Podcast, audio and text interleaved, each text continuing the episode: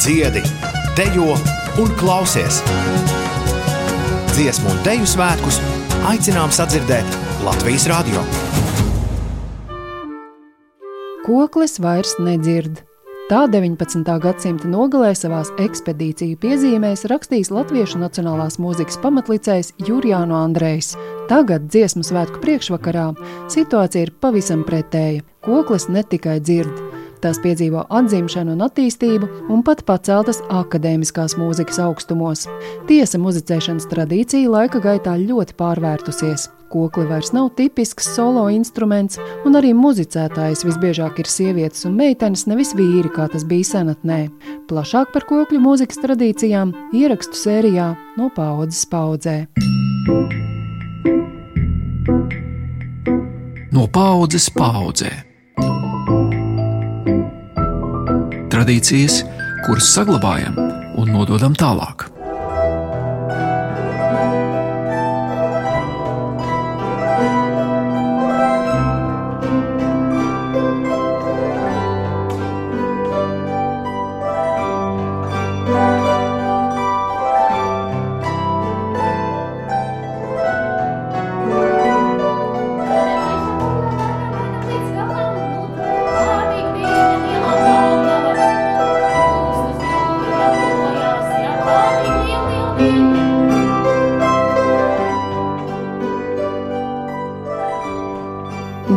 Daugmales multifunkcionālā centra zālē notiek kokļu studijas dzītari mēģinājums.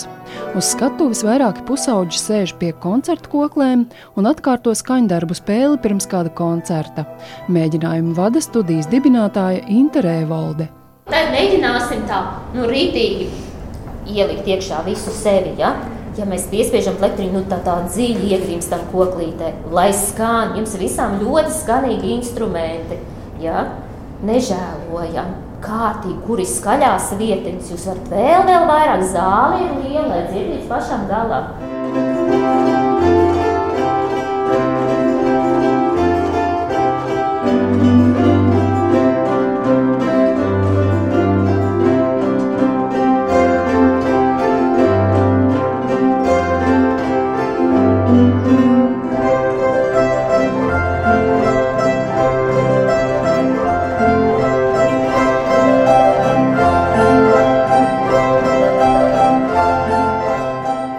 Pēc mēģinājuma sarunājos ar ansambļa koklētājiem, izjautāju viņus par pašu instrumentu un par viņu izvēli spēlēt tieši kokli.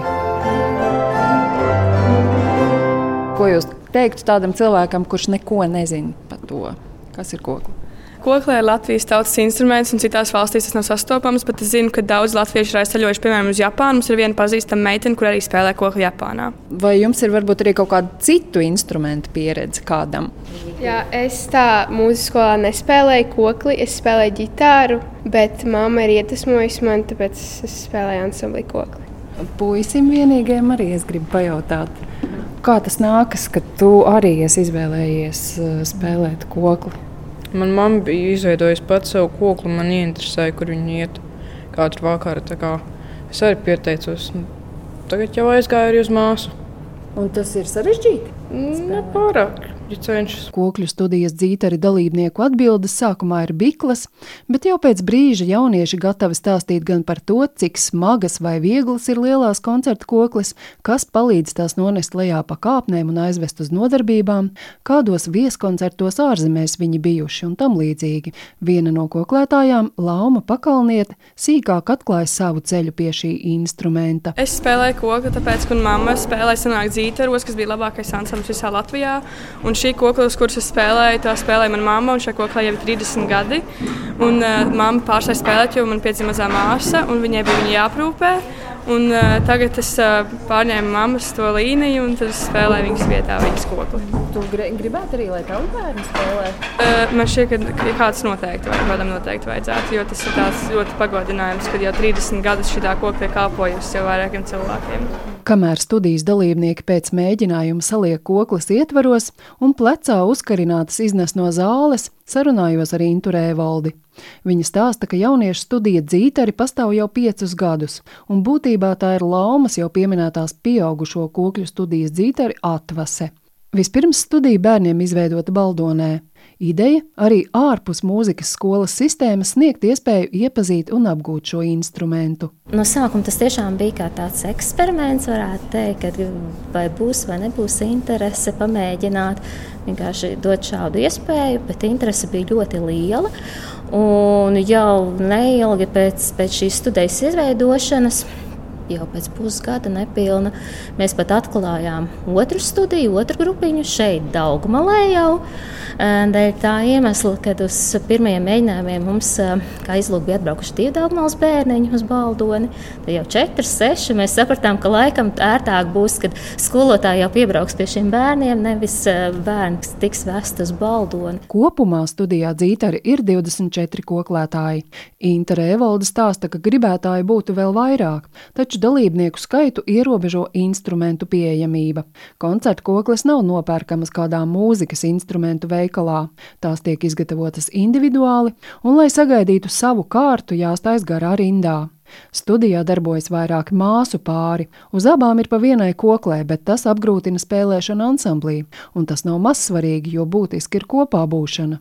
Taču tagad caur projektu projektiem izdevies pa koklē sagādāt katram dalībniekam, tieši laikā gatavojoties dziesmu svētkiem.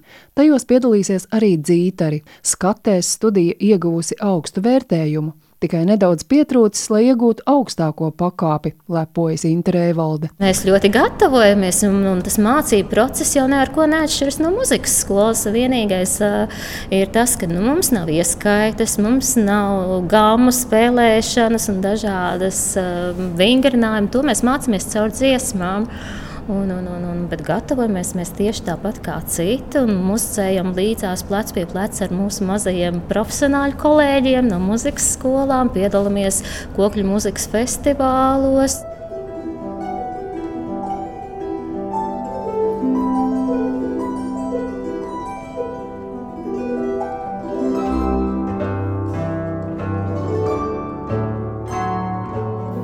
Kaut gan visbiežāk koklētāju izpildījumā pierasts dzirdēt tautas dziesmas vai to apdares, Inte Rēvolde saka, ka koncertu koklis diapazons ir daudz plašāks un ļauj atskaņot dažāda rakstura un laikmetu skaņdarbus. Koncertu kokli tomēr jau ir akadēmisks instruments.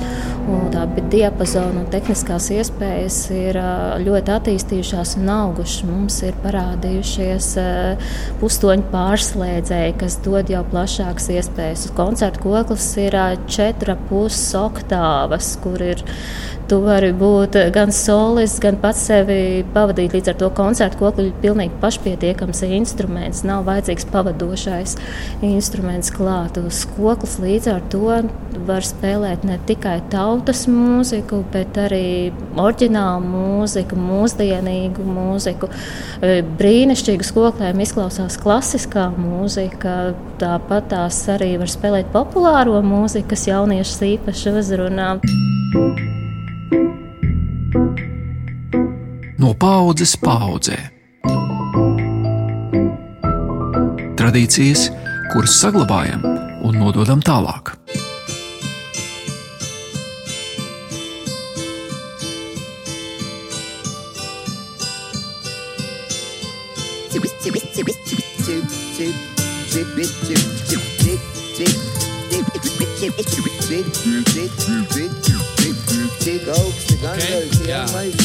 Paceļ tur sauli par garu zaru galiem. Projām aiziet tums līdz ar pavasara paliem. Jā. Pazūd migla, šigla dara galu meliem. Nu mazsvarīgs robežs un tava man tālien. Jo Jo barikādas kurs savā galvā bieži ceļam mēs paši. Sabrukuši galu galā malu malās te stāv vairs brašs. Tas obens, kas tala daļās necērt vairs plašs. Un es saprotu, ka dzīvē vispār Ieskanējās fragments no kokļu repa, no skaņdarba pavasaris, bet apgūt šo instrumentu akadēmiskā līmenī iespējams Jāzepa Vīto Latvijas mūzikas akadēmijā.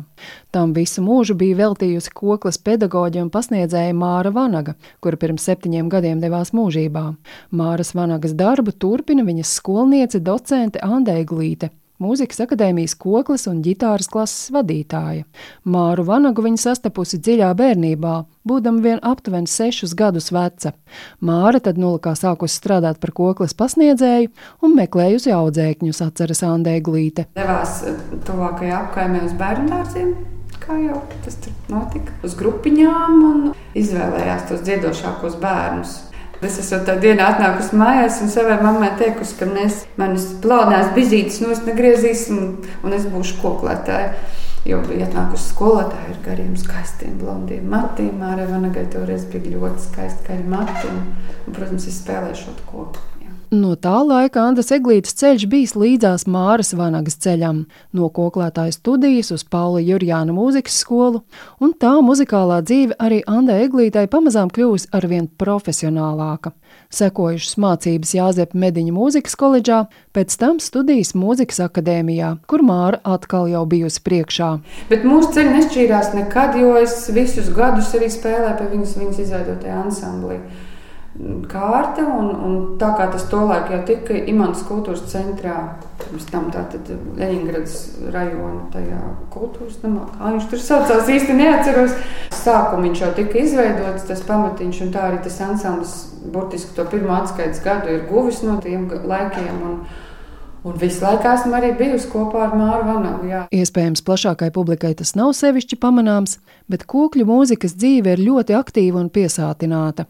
Startautiski konkursi, simpoziji, meistarklases sadraudzībā ar radniecīgiem instrumentiem citās valstīs, studiju noslēguma darbi ir kokles koncerti, kuros atskaņo arī citās programmās studējošo jauno mūziķu speciāli šim instrumentam komponētos jaundarbus. Attīstība un izaugsme turpinās, ir pārliecināta docente Eglīte. Mēs gribam ļoti, ļoti ceram, ka mūs atzīst par akadēmisku instrumentu. Nu, par ko liecina spēles augstāka kvalitāte, un repertuāra daudzveidība un plašums. Un, un tas, ka mūsu latviešu komponisti raksta, mums ļoti daudz raksta. Jāsaka, īpatsvars varbūt uz ansambļa puses būtu lielāks.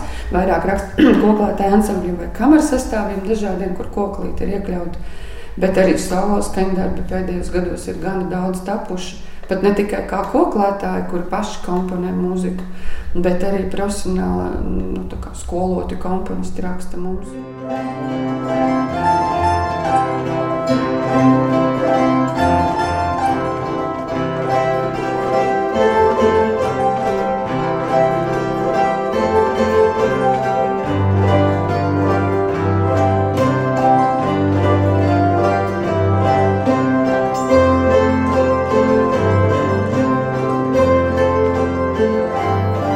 Gaidāmajos un ļoti gaidītajos dziesmu un deju svētkos īpaši koklēs atcerēti jaundarbi skanēs arī kokļu lielkoncertā Laika upe, kurā, kā plānojuši rīkotāji, kopā spēlēs ap 400 koklētāju. Plānot arī divi kokļu nakts koncerti, un, protams, etnogrāfiskā kokle ir arī tautas mūzikas koncerta neatņemama sastāvdaļa. Šis instruments tagad bauda lielu popularitāti, uzskata Anda Eglīte priekšplānā ir izvirzījusies etnogrāfiskā koklīte pašlaik. Jā, par to ir prieks, jo tas jau tomēr mūsu nacionālais instruments. Un bez mazās koklītes nebūtu arī mūsu lielā kokla, kur ir tapusi pagājušā gadsimtā, pēc kara gados tā stabili izveidojusies. Arī nemazums vecāku sūta savus bērnus apgūt koklas spēli mūzikas skolās, taču Anda Eglīte novērojusi, nereti tēta un māmu entuziasms ar laiku apsīks, trūkst izpratnes, ka mūzikas skola tas nav tas pats, kas kārtējais pulciņš, ko iespējams apvienot ar vairākiem citiem, piemēram, svešvalodu apgūvi vai sportu. Koklas spēlē daudz jāvingrinās arī mājās, bet tas var izrādīties apgrūtinoši. Man liekas, ka tas sākuma klasēs, 1, 2, 3, no 4 ir diezgan daudz koklētāju. Bet pēc tam ir pišķiņa tendence viņiem atbirst paliek aizvien grūtāk un vairāk vajag laiku veltīt. Un... Mm. Cits piekūst vadāt kokli, citam vienkārši tas viss Varbūt bērnam ir grūtāk, varbūt to vispār sākumā ir gribējis vecāks, lai viņš iet mūzikas skolā. Bērns nav gribējis. Un tas ir, tās ir tādas mūžīgās lietas, ne tikai ar kokli saistītās, vai ne? Bet vispār tik ilgi noturēt to uzmanību, tas nav viegli vecākiem. Ar to vispār jāsāk. Mēs ar savā starpā kolēģiem runājam, ar direktoriem, ka nu, vispār ir tā, gandrīz tā kā vecāku skolā jāuzņem. Viņiem ir jānāk un ir jārunā ar viņiem par to, ko jūs apņematies. Tā ir milzīga lieta. Tā ir tāda pati atbildība, kā, kā jā, sakot līdzi, kas notiek parastā skolā, palīdzēt, atbalstīt viņu. Nevis pukstēt un baidīt atkal, tev jāmet tā, ko atkal tas vai tu vari beigt spēlēt. Jā, bet ja sirsniņa ļoti grib un, un, un visu viņam padodās, un viņš atkal nejūt to atbalstu. Un, ja, ja vecāki piemēram pasaka, nē, mēs brīvdienās vispār nespēlēsim instrumentu. Mums ir brīvdienas, bet to nav iespējams. Tas, tas tā nenotiek. No paudzes paudzē. Cik sena ir tā dēvētā etnogrāfiskā kokle un kā no tās atvasināta lielā koncerta kokle? To jautāju etnomuzikologam Valdim Muktu Pāvilam, bet vispirms interesējos, ko vispār nozīmē vārds kokle. Izrādās, nekāda sakara ar materiālu, no kura šis instruments darināts. Tur arī dažādi skaidrojumi. Tātad to, tas lietuviešu variants ar kankles ir senāks. Latviešiem redz, notikusi tā saknes an pārvēršanās par o, nu, tā kā ranka lietuviešiem, roka latviešu, tāpat kanklis un koki. Uh, un kan sakne indoeiropiešu valodās, viņa tāda diezgan muzikāla ir. Nu, latīņu valoda, kanto, kantāri. Tā, tā. Kaut gan ir arī citas hipotēzes. Piemēram, viens lietuviešu valodnieks Alvīts Butkus, viņš saka, nu tā ir onoma poetiska konstrukcija. Nu, tā tad skaņu atdarinājums. Stīgu, kad parauj, kan. Par tā dēvētās etnogrāfiskās koklis un kokļu mūzikas senumu grūti spriest. Kādā muzejā ir kokli, uz kuras iegrebts gadu skaitlis 1710, taču tas ir atrašanas laiks. Cik sen tā izgatavota, nevar pateikt, un senākas koklis nav saglabājušās taču valodnieciskas liecības rāda, šis instruments tomēr pastāvējis vēl agrākos laikos, saka Valdis Muktu Pāvels. Ir tādi valodiski pētījumi, un uh, ir atrasts, ka, piemēram, bija koklinieks tāds uh, ierakstīts amats 14. un 15. gadsimtā Rīgā, tur um, dažādās grāmatās. Tad, nu, acīm redzot, kāds, kas tur koklis profesionāli ir spēlējis tajā laikā. Nu, ir jau piemēram tādi radniecīgi instrumenti koklei, Baltijas jūras austrumu piekrastes zemēs. Mm, tur no pat Karēlijas līdz Prūsijai šo to atrod. Vislabākie atradumi ir starp citu jau Krievijā, Novgorodas pusē. Labi, mūsdienās tā ir Krievija, bet teiksim, Vēl līdz 14. gadsimtam tā bija vieta, kur satikās skandināvi. Novgorodu pašu skandināvi ir dibinājuši, tad tur bija somugru iedzīvotāji daudz, un arī baltiskais, austrumu baltu kaut kāds komponents tur ir. Tad, lūk, tajā Novgorodas apkārtnē tur gan kaut kādi tie purvi mālainie un uh, gaisa piekļuve, tur, kas nu iekritis tajā purvainajā zupā iekšā, tur nav Un, un tad šis tas saglabājas un diezgan labi. Un pat no 10. gadsimta tās, piemēram, saglabājušās. Tur. Un tad tur ir 11. gadsimta atradums, ko varētu traktēt kā mm, koklis šitāda radinieka. Tātad etnogrāfiskā kokla ar piecām, sešām, septiņām, augstākais deviņām stīgām noteikti ir gadu simteņiem sena. Koncerta kokla, kas nav darināta no viena koka gabala, bet līmēta no vairākiem un ir ievērojami lielāka, un kuras stīgu skaits var pasniegt 30, un tās variācijas soprānam, altam, tenoram un pat basam pastāv vien aptuveni kopš pagājušā gadsimta vidus. Pēckara laikā ideja par daudzbalsīgu kokļu orķestri ar treideviņiem instrumentiem bijusi jau Emilim Melngailim, bet tā īstenota nedaudz vēlāk, jau kā padomju kultūras sastāvdaļa. Vaicāja Valdim Muktupāvilam, vai tas bija kas līdzīgs sabiedrisko attiecību gājienam, tāds kā mēģinājums iemantot vietējās sabiedrības uzticību. Komunistu ideoloģijā svarīgs bija tātad kolektīvisms. Tāda nekāds solo, bet kolektīvs. Kokle, starp citu, tradīcijā ir solo instruments. Tīri solo instruments, turklāt vīrieši parasti viņus vēl spēlē. Bet, nu, lūk, nāk kolektivizācija, un tā tad nekāda solo spēlēšana vairs nebūs kokles ansamblī aiziet. Ja ansamblī skaidrs, ka tur ir jābūt komponistam, tātad kas to komponēšanu arī veids. Un, ja jau tur ir komponists, tad tā jau ir oriģinālas kompozīcijas, ko šīs koklis spēlē. Un parasti komponistiem nepietiek ar vienu, divām, trim, četrām, piecām skaņām, bet vajag jo vairāk, jo labāk. Un kokle ir tāds instruments, ka katra stīga ir viena skaņa. Tas nozīmē, ka, lai šīs komponētās mūzikas e, iespējas pārnest uz kokli, koklei vajag vairāk stīgu. Nedara 9 stīgu koklīti, vajag 25, 30. Nu, cik nu var uztaisīt, cik tas korpus tur var izturēt.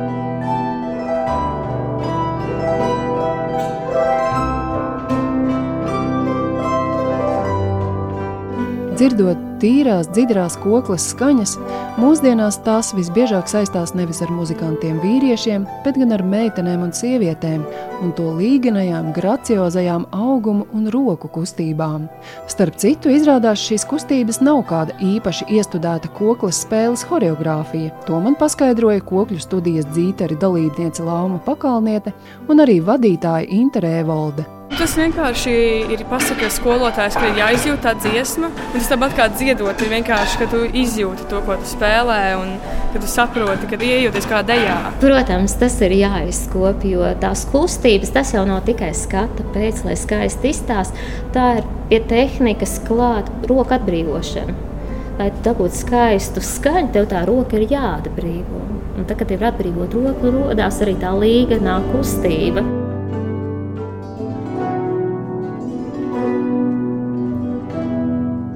Roku kustības arī palīdz sinhronizēt saspēli. Līdzīgi kā dziedātāja korī, arī koklētājs teju vai elpo vienā ritmā, bet instrumenta skanējums izraisa izjūtas, ka spēlē nevis uz kokles, bet gan uz latvieša dvēseles stīgām.